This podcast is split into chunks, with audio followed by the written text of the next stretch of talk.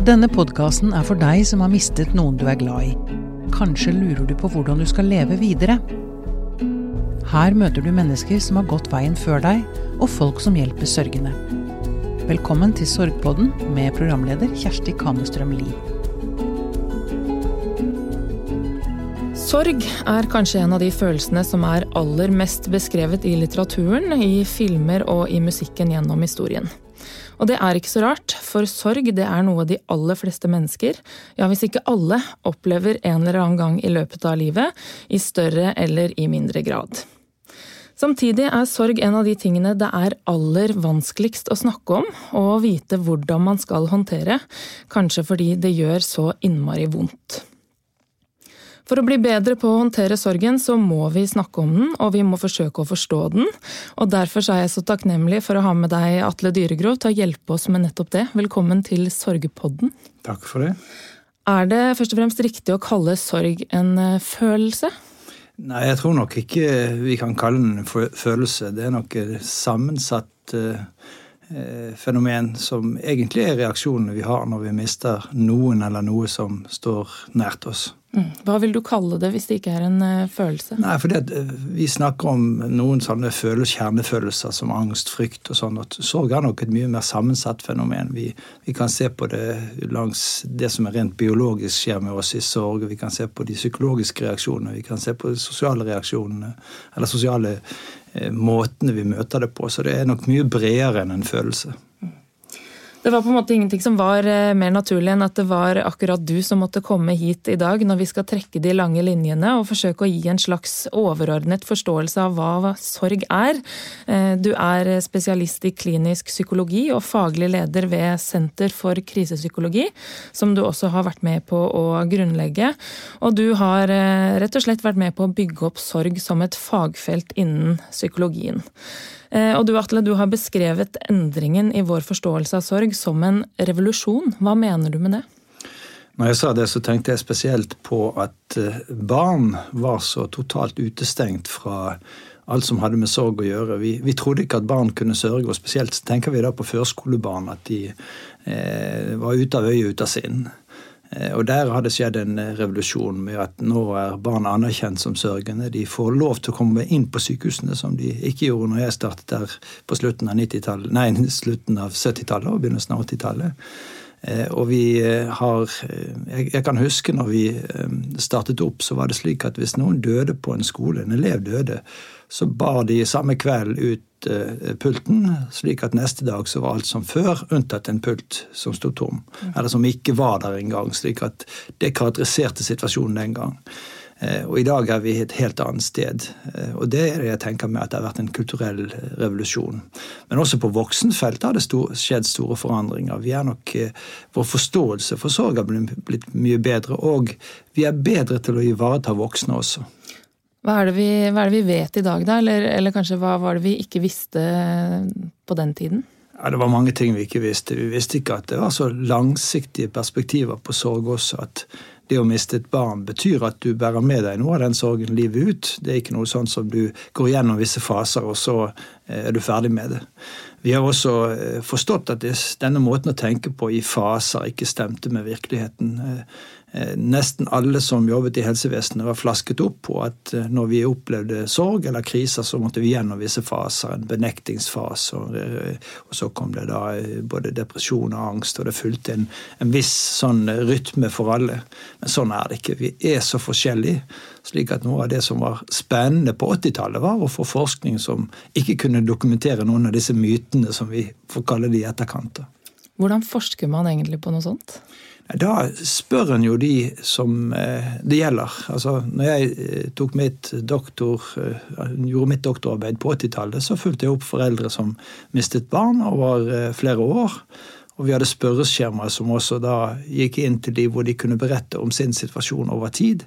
Og fra det kunne vi lære mer om reaksjoner, reaksjonsforløp. og vi, mange trodde jo at det var den aller første tiden som var den verste, men ofte er du jo beskyttet av sjokket til å begynne med, og så når all oppmerksomheten begynner å avta, så er det det går opp for deg hva som du har opplevd, og hva som resten av livet består av. Og det, det, er, ikke, det er, ikke, lett. da, sånn at Mange har den vanskeligste tiden når det har gått en, en stund.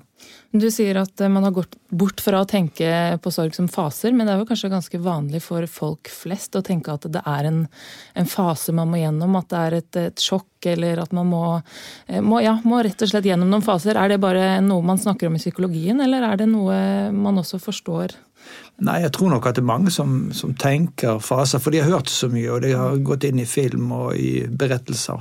Og det er klart at hvis vi eh, snakker om litt grove faser, de fleste får et sjokk når noe skjer. Og vi kan si at 80% også får en relativt sterk reaksjon, og så kan ting gå ned over tid. Så vi har en sjokkfase, vi har kanskje en reaksjonsfase, og vi har en nyorienteringsfase, hvis en skal kalle det det. Men, men eh, det går Altså hvis vi møter mennesker som er i sorg med disse fasene, så ser vi ikke personen som er foran oss. Og vi er så mangefasetterte, vi er så varierte som mennesker, at vi må forvente et veldig stort spekter av reaksjoner når vi har mistet noen som står oss nær. Hvis det ikke er faser, hva er det vi da går gjennom? Vi går jo gjennom reaksjoner, men vi går gjennom reaksjoner i vårt eget tempo. Vi følger ikke et fast format for dette. Og vi har faktisk også en eh, liten gruppe som verken reagerer før eller senere. Og vi kan ikke si at de er unormale, men de bare har en annen reaksjon enn de fleste. Mm. Bare for å, for å, ta et lite sånn steg tilbake, da, går det an å si eh, Finnes det noen tydelig definisjon av hva sorg er? Nei, det finnes ikke noen som er, er, slik at alle er enige om at det er definisjonen. Men det vi kan si, det er det at det er reaksjoner som både er psykologiske, det sosiale, det er spirituelle eh, sant, endringer som kan komme i etterkant. Vi, vi kan tenke forskjellig på, på, tro og mening i livet. Mange får jo livet sitt snudd opp ned og begynner en ny tidsregning etter et dødsfall. Men det er jo også veldig forskjellig hvem vi mister. Hvis du mister noen som har kommet til sjelsår og alder og har levd sitt liv og hatt et godt liv, så er det jo ikke de samme reaksjonene som hvis et liv rives bort i starten av, av livet. Hvordan er de reaksjonene ulike? Det er så mye vanskeligere når vi mister barn. Altså, foreldre som skal overleve sine egne barn, det er kanskje det vanskeligste vi kan forestille oss. Og på tvers av kulturer så ses det som det vanskeligste dødsfall, og faktisk som en av de verste hendelser som kan ramme et menneske i livet. Mm. Går det an å, å si noe om hvordan sorg føles?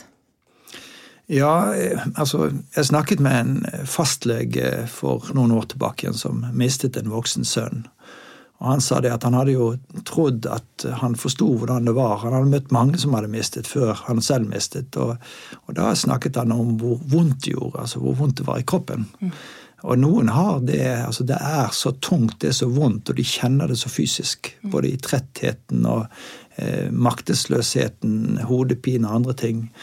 Men det er jo først og fremst savn og lengsel som er kjernen i sorg.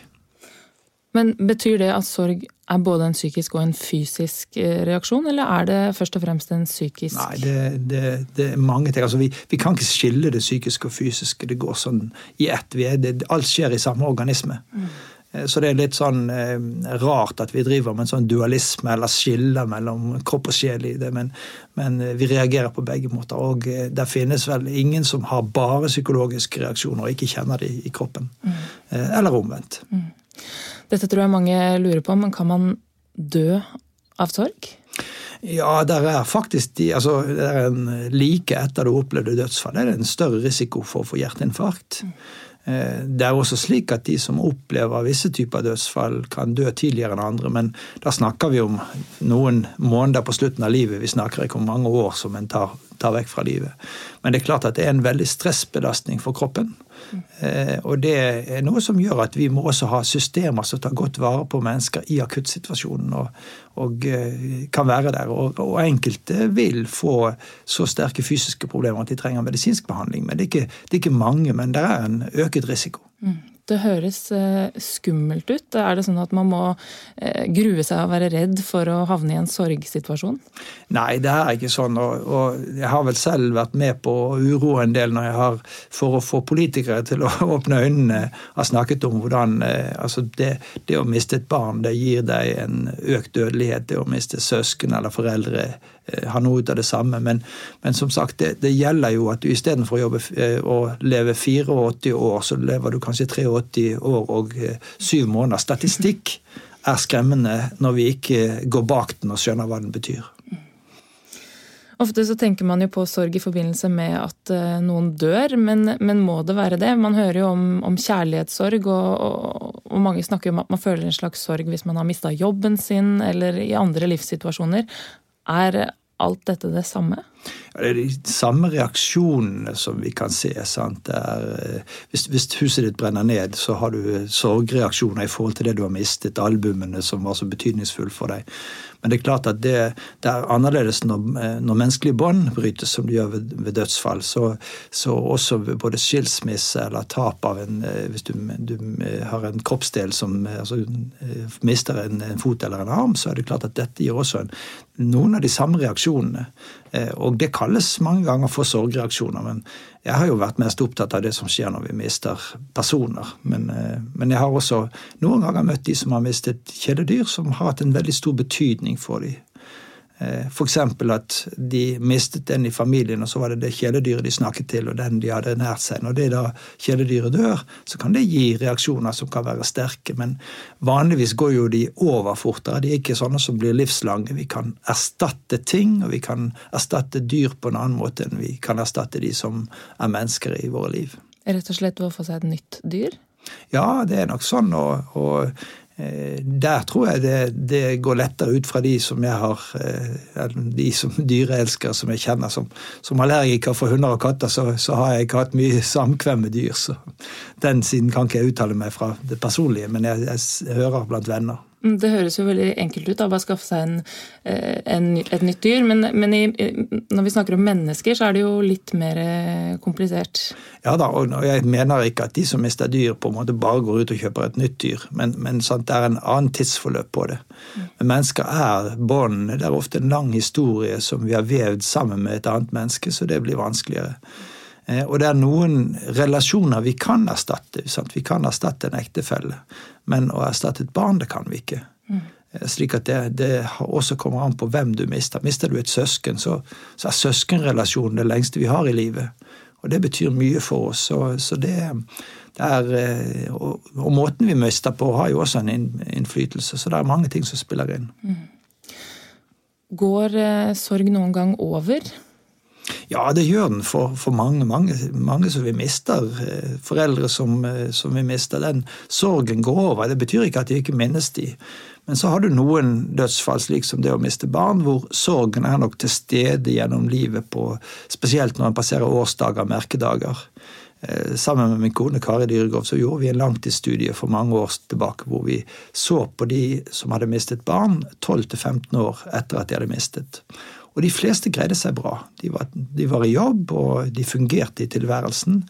Men når vi snakket med dem, så fortalte de, de om at uh, sorgen var der. Den var som et bakteppe i livet. Når de møtte, spesielt når det var dødsdag og det var fødselsdag, så kom det nært. Men også med familiehøytider så var det en som manglet. Så, så der er nok sorgen mer livsvarig enn den er ved andre dødsfall. Mm. Hvordan er det for deg? Eh, du jobber jo med sorg. altså Hele livet ditt handler på mange måter om sorg. Du fortalte akkurat nå om, eh, om kona di også, som også har jobba gjennom veldig mange år eh, med nettopp denne tematikken. Sorg må være en veldig stor del av ditt liv. Hvordan, hvordan er det for deg? Ja, Det er en del av mitt arbeidsliv, men jeg håper jo ikke at den er så mye del av det private livet. Men det har jo gjort noe med min altså Jeg tar ingenting for gitt, så jeg tror nok at jeg har hatt mye mer frykt for at noe skulle skje med mine barn og barnebarn nå da gjennom livet enn det som andre har. Men, men ellers så tenker jeg at det, det, er godt å Jeg liker å le, og jeg liker å ha det kjekt. Og eh, selv om vi er to stykker med doktorgrad i sorg, så tror jeg nok at vi har en, en bra tilværelse. Og jeg kjenner meg veldig privilegert som har sluppet å miste så eh, noen av de aller nærmeste, med unntak av en svoger som døde brått, som, som, nok har preget oss det siste litt over et år siden det skjedde. og Det som kom som lyn fra klar himmel. og sånne, sånne ting gjør noe med livet. Kunne du være bedre forberedt på, på, den situasjonen da enn eh, det hvem som helst andre ville være? Nei, det tror jeg ikke. Når det, når det hender med deg selv, og dette var jo min kones eh, bror, så, så, er det noe annet enn det som du har et profesjonelt forhold til. Så, så der tror jeg det som jeg har sett når jeg har truffet andre som jobber i helsevesenet, som treffes av, av en eller annen katastrofe, så er vi ikke altså, Ja, vi har med oss noe. Vi kan kanskje forstå våre egne reaksjoner over tid, men den umiddelbare reaksjonen blir den samme. Hvordan var den umiddelbare reaksjonen, hvis jeg kan spørre om det? Jeg, var, jeg, jeg, fikk vite det før min kone, og det var, det var veldig Den tiden før jeg, hun kunne få vite det, det, det, det var det som sto i hodet mitt da. Men, men, det er fremdeles sånn at jeg kan ikke forstå at han er borte. Han var en sånn utrolig person også. Mm. Hvor lenge er det siden? Eh, det var i desember i forfjor, så det er ett år og noen måneder. Og eh, For å komme litt tilbake til disse fasene, da, hvor, hvor er du i den, den, sorgen nå? Nei, jeg, er, altså jeg kjenner på savnet av han, og innimellom så kommer det nært. Men, eh, men sant, det, det, er nok verre for hun som har mistet sin bror, enn for meg som var svoger. Men, men, det er klart at vi har hatt et langt liv sammen. Vi er en familie som, som ser hverandre mye. og og har eh, spilt kort eh, flere ganger i uken fordi vi hadde en svigermor som levde til også sammen, døde for to år siden, litt over tre år blir det nå, som vi møtte to ganger i uken i noen timer. og Da var det, det var disse svogrene, det var Kari, kona mi og jeg, som, som spilte i timevis hver uke. Og da blir du veldig, veldig nær hverandre. Mm.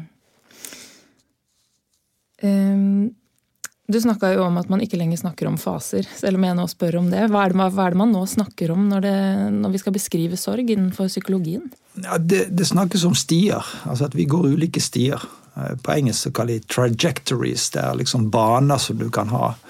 Og vi ser jo at det er kanskje fire sånne hovedbaner. Den ene er de som har kanskje litt reaksjon til å begynne med, men så blir det nokså snart uh, lite reaksjoner. Så er det de som reagerer sterkt, men det demper seg av naturlig uten at en trenger noe hjelp. Så er det de som uh, da starter ut med relativt lite reaksjoner, så blir det mer etter hvert. Det er ikke en stor gruppe. Og så har du en gruppe på en 10-20 som reagerer mye til å begynne med, og så fortsetter han mange reaksjoner som ofte ender opp med en komplisert sorg. Komplisert sorg, hva er det? Det er når sorgen fortsetter med samme intensitet som denne har helt kan du si, den, den første måneden. Når du kommer fem og seks måneder ut, så, så er det samme intensitet. Eh, I eh, tillegg så, så, er det jo ofte at en blir ute av stand til å fungere i, i hverdagen. Og ofte blir tankene også rigide. Må, ting må skje på en viss måte. Du må bringe den døde inn i alle samtalene. Det er den mest vanlige kompliserte sorgtypen. Det er denne hvor sorgen forlenges og den ikke går ned i intensitet. Eh, men så har vi jo også en annen komplisert type, de som skyver alt unna. Og det fungerer jo for, for noen. Altså det er noen de som, som, som, rett og slett ikke behøver å tenke noe mer. De går videre, de rister ting av seg. Det er de som er, er si, veldig motstandskraftige. Men så har du de som bruker mye energi på å holde ting på avstand. De kan ikke snakke om, de kan ikke gå nær plasser som minner om den døde. De kan ikke se tingene. Og da er vi ute i det som er mer sånn utsatt eller eh, bortskjøvet sorg, som, som spesielt yngre mennesker kan ha mer av enn kanskje de som er blitt voksne. Er det mulig? Det høres ut som man på et eller annet tidspunkt da kommer til å møte på en smell? Ja, og det er det mange som gjør. Sant? De uh, ungdommer som ikke greier å lære noen ting på skolen, så får de ikke inn ny kunnskap. og uh, som etter hvert også får innsnevret livet sitt. Det er så mange ting de ikke kan gjøre, for de er så redd for å møte disse påminnene. Mm. Ikke sjelden er jo dette også en blanding av det vi vil kalle sorg, og det som er mer de traumatiske elementene i sorgen. For eh, både under en, et ventet dødsfall, når, når, det er sykdomsdødsfall, og når det er plutselig dødsfall, så kan du ha hatt uh, opplevelser som har festet seg veldig sterkt i minnet, som blir en sperre for sorgen. Mm. Hvor mange er det som opplever uh, det du kaller komplisert sorg? Vi vet ikke. Vi vet at det er mellom 10 og 20% som utvikler altså denne forlengede sorgtypen. Eh, hvis du har mistet et barn, så er det en mye større prosentandel som, som sliter med det. Men disse andre kompliserte sorgtypene de er ikke godt uh, forstått. Altså Blant barn så ser vi at måten som foreldre håndterer det på, Sant? Om de ikke snakker med barna, eller det er informasjon som ikke barna får, eller det er slik at barna skjønner at dette kan ikke vi snakke om, så kan det gi kompliserte sorgreaksjoner. Så, så en av de tingene som jeg håper som etter hvert gammel psykolog å få til, det at vi kan dra i gang en studie som følger eh, mange barn over lang tid, se, altså som har mistet, for å se hvordan normal sorg blir til ulike kompliserte typer. fordi at i dag er alt fokus på denne forlengede sorgen, og det syns jeg ikke er, er, riktig. Men det er slik som altså Forslag til en diagnose på sorg det, det konsentrerer seg om denne typen. og og eh, det syns jeg er en innsnevring av forståelsen av hva sorg er. Som, som vi leser, leter bare der lyset er, og ikke der som fenomenet finnes. Mm. Eh, dette med diagnose, vil du si noe, noe mer om det? Er, er, det lett å få en diagnose som heter eh, sorg i dag? Nei, det finnes ikke en diagnose Nei. enda. Men i 2018, altså dette året her, så er det foreslått en ny eh, sorgdiagnose inn i det systemet som vi bruker i Norge, altså Verdens helseorganisasjon sitt eh, diagnostiske system. Eh, men det er da denne forlengede sorgen som blir foreslått. Og jeg er ambivalent, jeg vet ikke helt. Så jeg ser jo at det å få en sorgdiagnose betyr at noen står i fare for å få en diagnose som egentlig har en normal reaksjon. Så den, den faren er der. Samtidig så har jeg nå levd i så lang tid at jeg ser at sorgområdet ikke blir tatt alvorlig nok. Mm. Og skal det tas alvorlig, så er veien i det medisinske felt og det psykologiske felt via en diagnose. Da får du mer forskningsmidler som gir oss bedre forståelse, som gjør at vi kan også få behandlinger som kan være tilpasset de ulike kompliserte sorgtypene vi har. Eh, og vi får mer, mer oppmerksomhet og eh, bedre også terapeuter som kan møte de som trenger hjelp. Men det viktige blir jo at det må være da strenge kriterier, så ikke vi begynner å presse diagnosen ned på normale reaksjoner. Og Det er ikke lett, fordi det er ikke alltid så lett å vite når noe, som, når noe er normal sterk sorg, og når det går over til å bli komplisert sorg. For du er rett og slett redd for at det skal bli en sykeliggjøring av, av sorgen? Ja, jeg er jo det, det, men, men, samtidig så ser jeg at de kriteriene som stilles for at en eh, sorg skal bli kalt for en forlenget sorg, det er bl.a. at du ikke skal fungere i hverdagen. altså At du har problemer på jobbsiden eller det private. At disse reaksjonene har vart med stor intensitet utover seks måneder. Og at det er da en del sånne symptomer som du må ha for at du skal kunne få en sånn diagnose. Og hvis, hvis det blir fulgt, så er sjansene mindre for at en eh, skal få en overforbruk av en ny diagnose. Eh, og det er jo viktig at de som sliter med komplisert sorg, ikke som i dag mange går og bare prater med noen. Men det å prate om noe som har satt seg fast, gjør ikke nødvendigvis at det går over. Så, så, der trenger vi da mer noen av disse nyere behandlingsmåtene som vi har, som er veldig effektive for å hjelpe hvis en har virkelig gått seg fast i en komplisert sorg. Hva slags behandling snakker du om da? Det er, det er relativt tøff behandling. Hvis, hvis, eh, det er en del som, som, helt sikkert kjenner noen som har en komplisert sorg, hvor den sørgende snakker i hver eneste samtale om den som døde. Rommet, det, hvis et barn en har mistet, det står akkurat som da barnet døde, og alt dreier seg om det, den personen som er borte. Og I en sånn situasjon så må en jobbe veldig systematisk for å Eh, ta ned den tiden som en bruker til å tenke på det, det barnet. Og du må jobbe med å ikke bringe inn den døde i hver samtale. Du må kanskje ned fra å gå på graven hver dag til en gang i uken til å begynne med, eller hver annenhver dag, og så gradvis du, altså det, det, er en tøff terapi hvor du eksponerer deg fra Det er egentlig en, en, omvendt eksponering. Vi kaller ofte eksponering når du skal utsette deg for noe som, som plager deg mye. Og Her skal du faktisk unngå å utsette deg for noe. Så du skal ned på noe, og det river i alle hjerterøttene. og ikke gå på graven hver dag. de som, som, opplever det sånn, de føler at det er det riktige. Hvorfor er det viktig å ikke gjøre det, da? Ja, fordi at dette jo, går jo utover funksjon. Det er litt sånn som det vi snakket om tidligere, med hvis du unngår alt, så begynner livet ditt å bli innsnevret. Og her blir livet ditt bare det, det, det dreier seg bare om den døde. Og du vil fungere dårlig sammen med andre, så det går utover familieliv. Og i en jobbsituasjon så er du ikke i stand til å gå inn i den jobben. Så, så, det er jo litt presset fra et samfunn som krever at vi kan være optimalt fungerende, som, som er der. Men samtidig så, så misunner jeg ingen å gå med sorgen som er så, så intenst som de som, som lever med denne eh, forlengede sorgen. Når man er i en sånn situasjon, eh, så kan jeg forestille meg at det er vanskelig å skjønne selv hvor, hvordan man oppleves for, for omverdenen. Mm. Hva bør man si hvis man eh, er eh, i en relasjon til noen som opplever den type sorg? Kan man komme med noen gode råd? Jeg tror nok at da er det å motivere for å si at jeg, jeg, skjønner jo at dette er akkurat sånn som du tenker rundt det, men vi ser hvordan dette går utover ditt samspill med familien og går utover venner, og venner trekker seg. Og da tror jeg det er viktig at du får hjelp. Men du har helt rett at en del av disse er nesten som altså Når de kommer til meg, så er det arbeidskollegaer som dytter de inn, eller familiemedlemmer som er så bekymret, og så er det en del som nekter å i det hele tatt å, å ville komme. Mm. Jeg, jeg, husker en eh, kvinne som kom til meg som eh, det første hun sa, det var arbeidskollegaen. Hun hadde en ledende stilling. Det første hun sa til meg, det du får ikke lov til å ta vekk sorgen min. Mm. Og så sa jeg det er ikke min rolle å forsøke å ta vekk sorgen min, men det er noe som jeg kan hjelpe deg med. Og så ser hun på meg og så sier hun, ja, det er de fantasiene. Da hadde hun en fantasi om hvordan den som hun hadde mistet, døde. Mm. Og det så hun hele tiden. Så Eh, men hjemme var alt sto som før, og det var over et år etter dødsfallet. Det var ikke engang ryddet i kjøleskapet etter den som døde.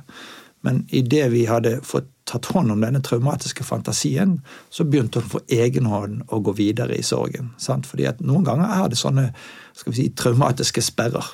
Hver gang du skal tenke på gå inn i tankene, så kommer måten som personen døde opp og, sperrer for det, eller den fantasien du har. Så, så, eh, men, men, det er problematisk noen ganger ved at de som mest preges av det som har skjedd, er de som ikke skjønner at her, her går det ille utover familien. Mm. Hvordan gikk dere fram? Med henne så, så brukte jeg en, en, behandlingsmetode, altså en traumeterapeutisk metode som heter eye movement desensitization and reprocessing. Det må du forklare. ja, og det er slik at eh, når, når, vi opplever noe traumatisk, så, så, blir det jo dannet et eh, minne. Og det minnet det fester seg veldig sterkt, og for sterkt for enkelte. Og når jeg ber henne bringe opp igjen den fantasien, så aktiverer vi det minnet. Da er det også labilt, da er det foranderlig. Og så blir hun bedt å følge min hånd med øynene, og da utsetter vi hennes arbeidsminne.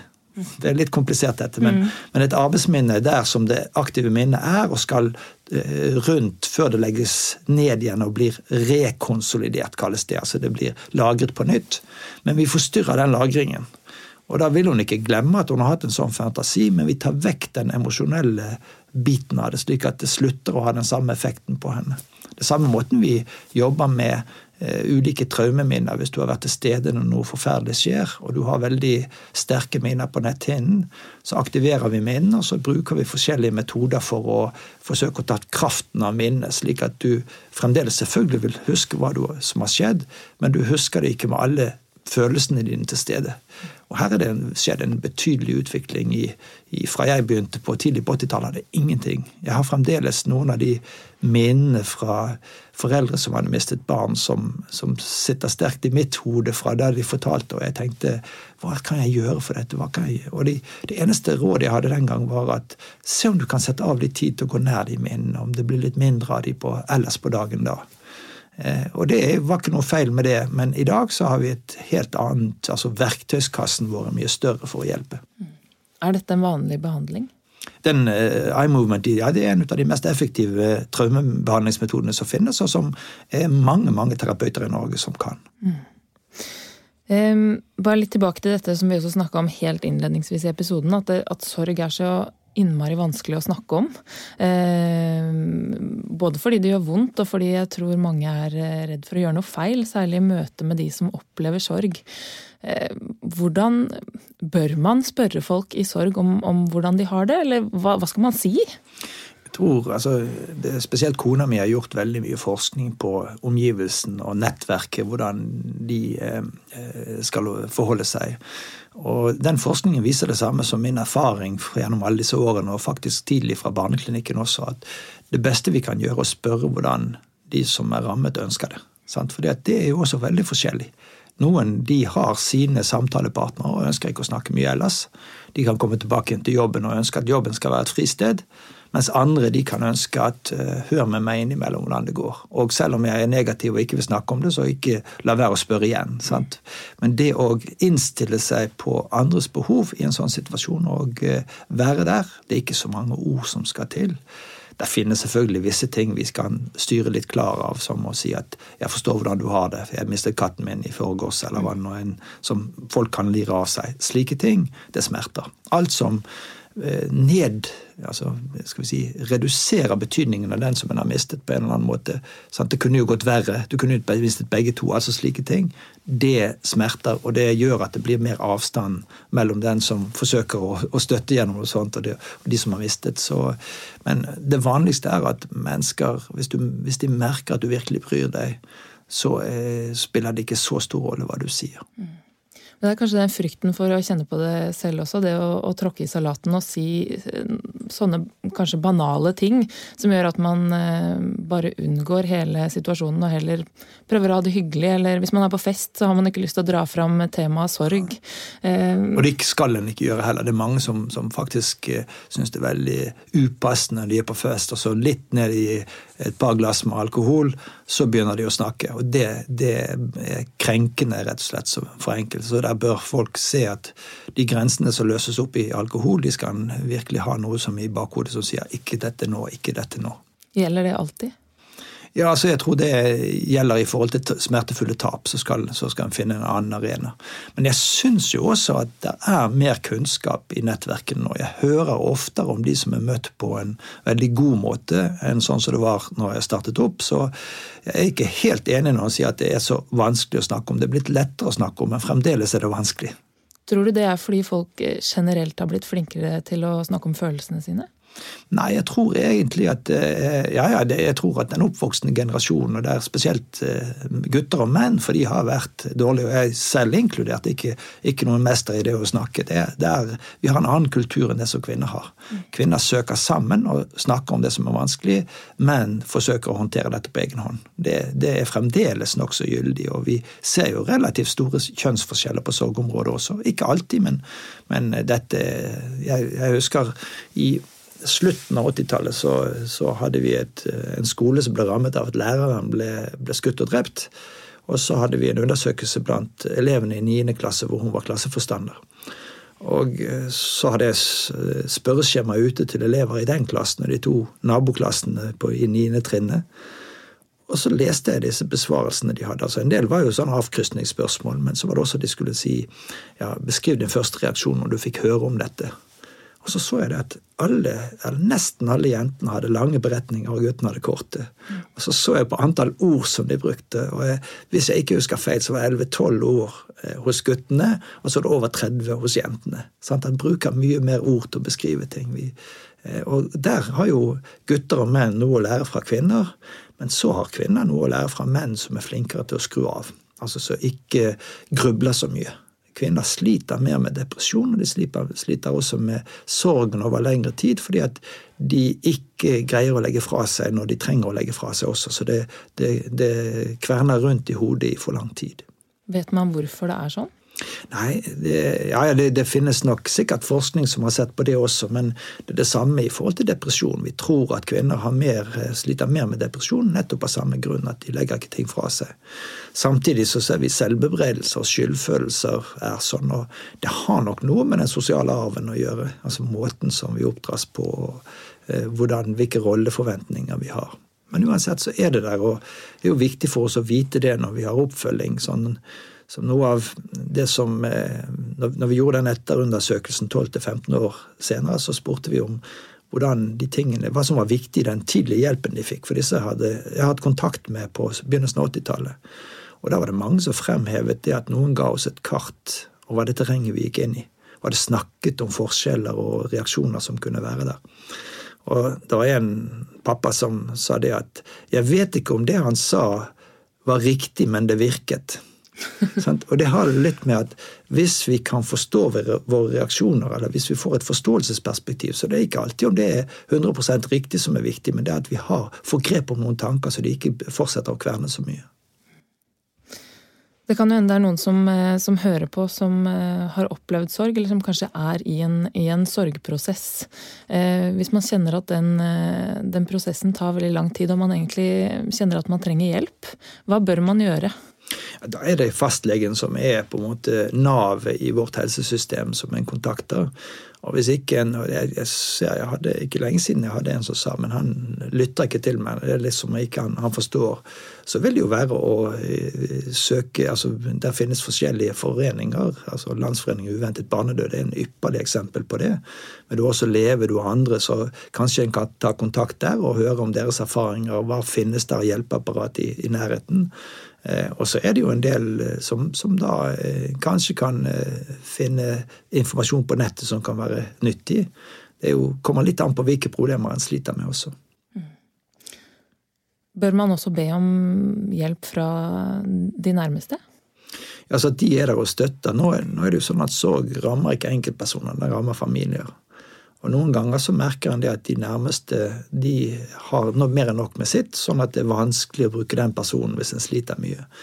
Men når vi jobbet på, på 80-tallet, så, så, eh, kalte vi noe for fløibaneprinsippet. Og det var når foreldre sant, at Det var sjelden at den ene, begge to var oppe eller nede samtidig. Den ene var oppe, så var den andre nede. og sånn som I Bergen når vi har Fløibanen, så er det sånn med disse to at den ene starter ovenfra, den andre nedenfra. Så noen ganger får vi veldig god støtte i de, den, den partner eller de andre i familien. Men det som er vanskelig, er jo at hvis du sitter rundt middagsbordet og skal spise, det er en som mangler, så er det tungt å ta opp en samtale om den som mangler. Vi kan kanskje si at ja, han var jo også glad i spagetti. Men å snakke om hvordan, hvordan, vi har det, og hvor tungt det kan være, det er ofte lettere med en tredjeperson som kan spørre oss litt. Så det er en fordel å kunne ha noen utenfra som i alle fall noen ganger det første året kan følge opp og, og stille noen av de spørsmål og høre hvem er det som nå fyller de og de behovene som den som døde, kanskje fylte før.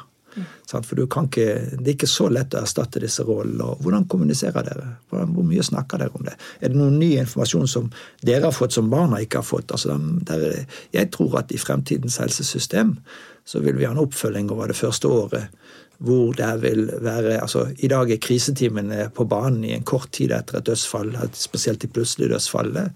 Og så trekker de seg ut, og så skal det kanaliseres gjennom det vanlige apparatet. Men jeg tenker at eh, med et eh, langtidsperspektiv så vil det være en oppfølging med familiesamtaler noen ganger i løpet av det første året. Fordi for familien så er jo den vanskeligste tiden når det har gått en tid, ikke helt til å begynne med når alle stiller opp.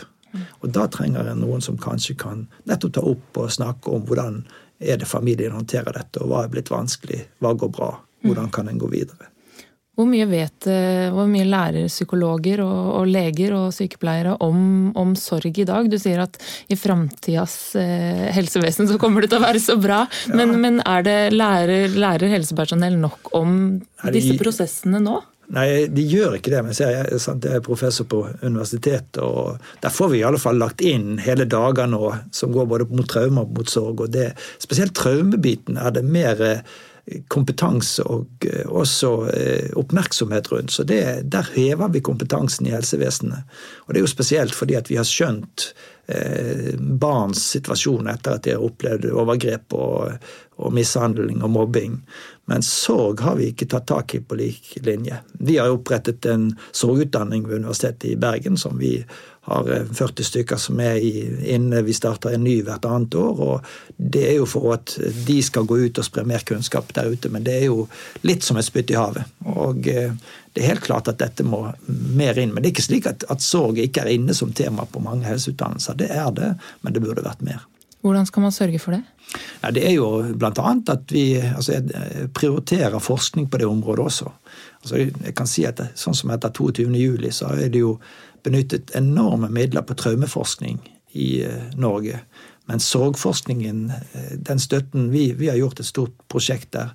Og de som støttet først og fremst, det var Danmark og Eggmannfondet. Mens norske myndigheter ikke så altså Fordi det ikke er en diagnose, så var ikke det så viktig å prioritere. Og jeg syns jo det er en feilsatsing. Jeg syns at det, sorgforskning er noe av det som vi må prioritere fremover for at vi skal møte de helseproblemene som sorg skaper. For det, selv om jeg nedbetonte betydningen av disse, hvor, hvor tidlig en dør, altså dette med at en har økt dødelighet, så er det jo for de som utvikler komplisert sorg, en betydelig sykelighet, både kroppslig og da betyr det sykefravær.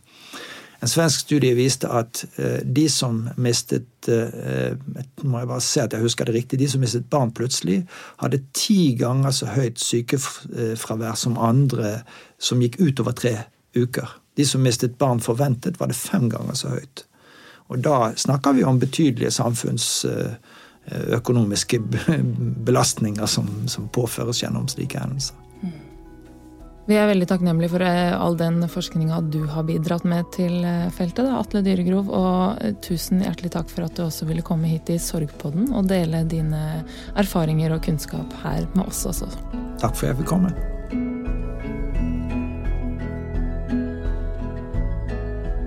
Sorgpodden er produsert av Tid og Lyst for Landsforeningen uventet barnedød, med støtte fra stiftelsen DAM.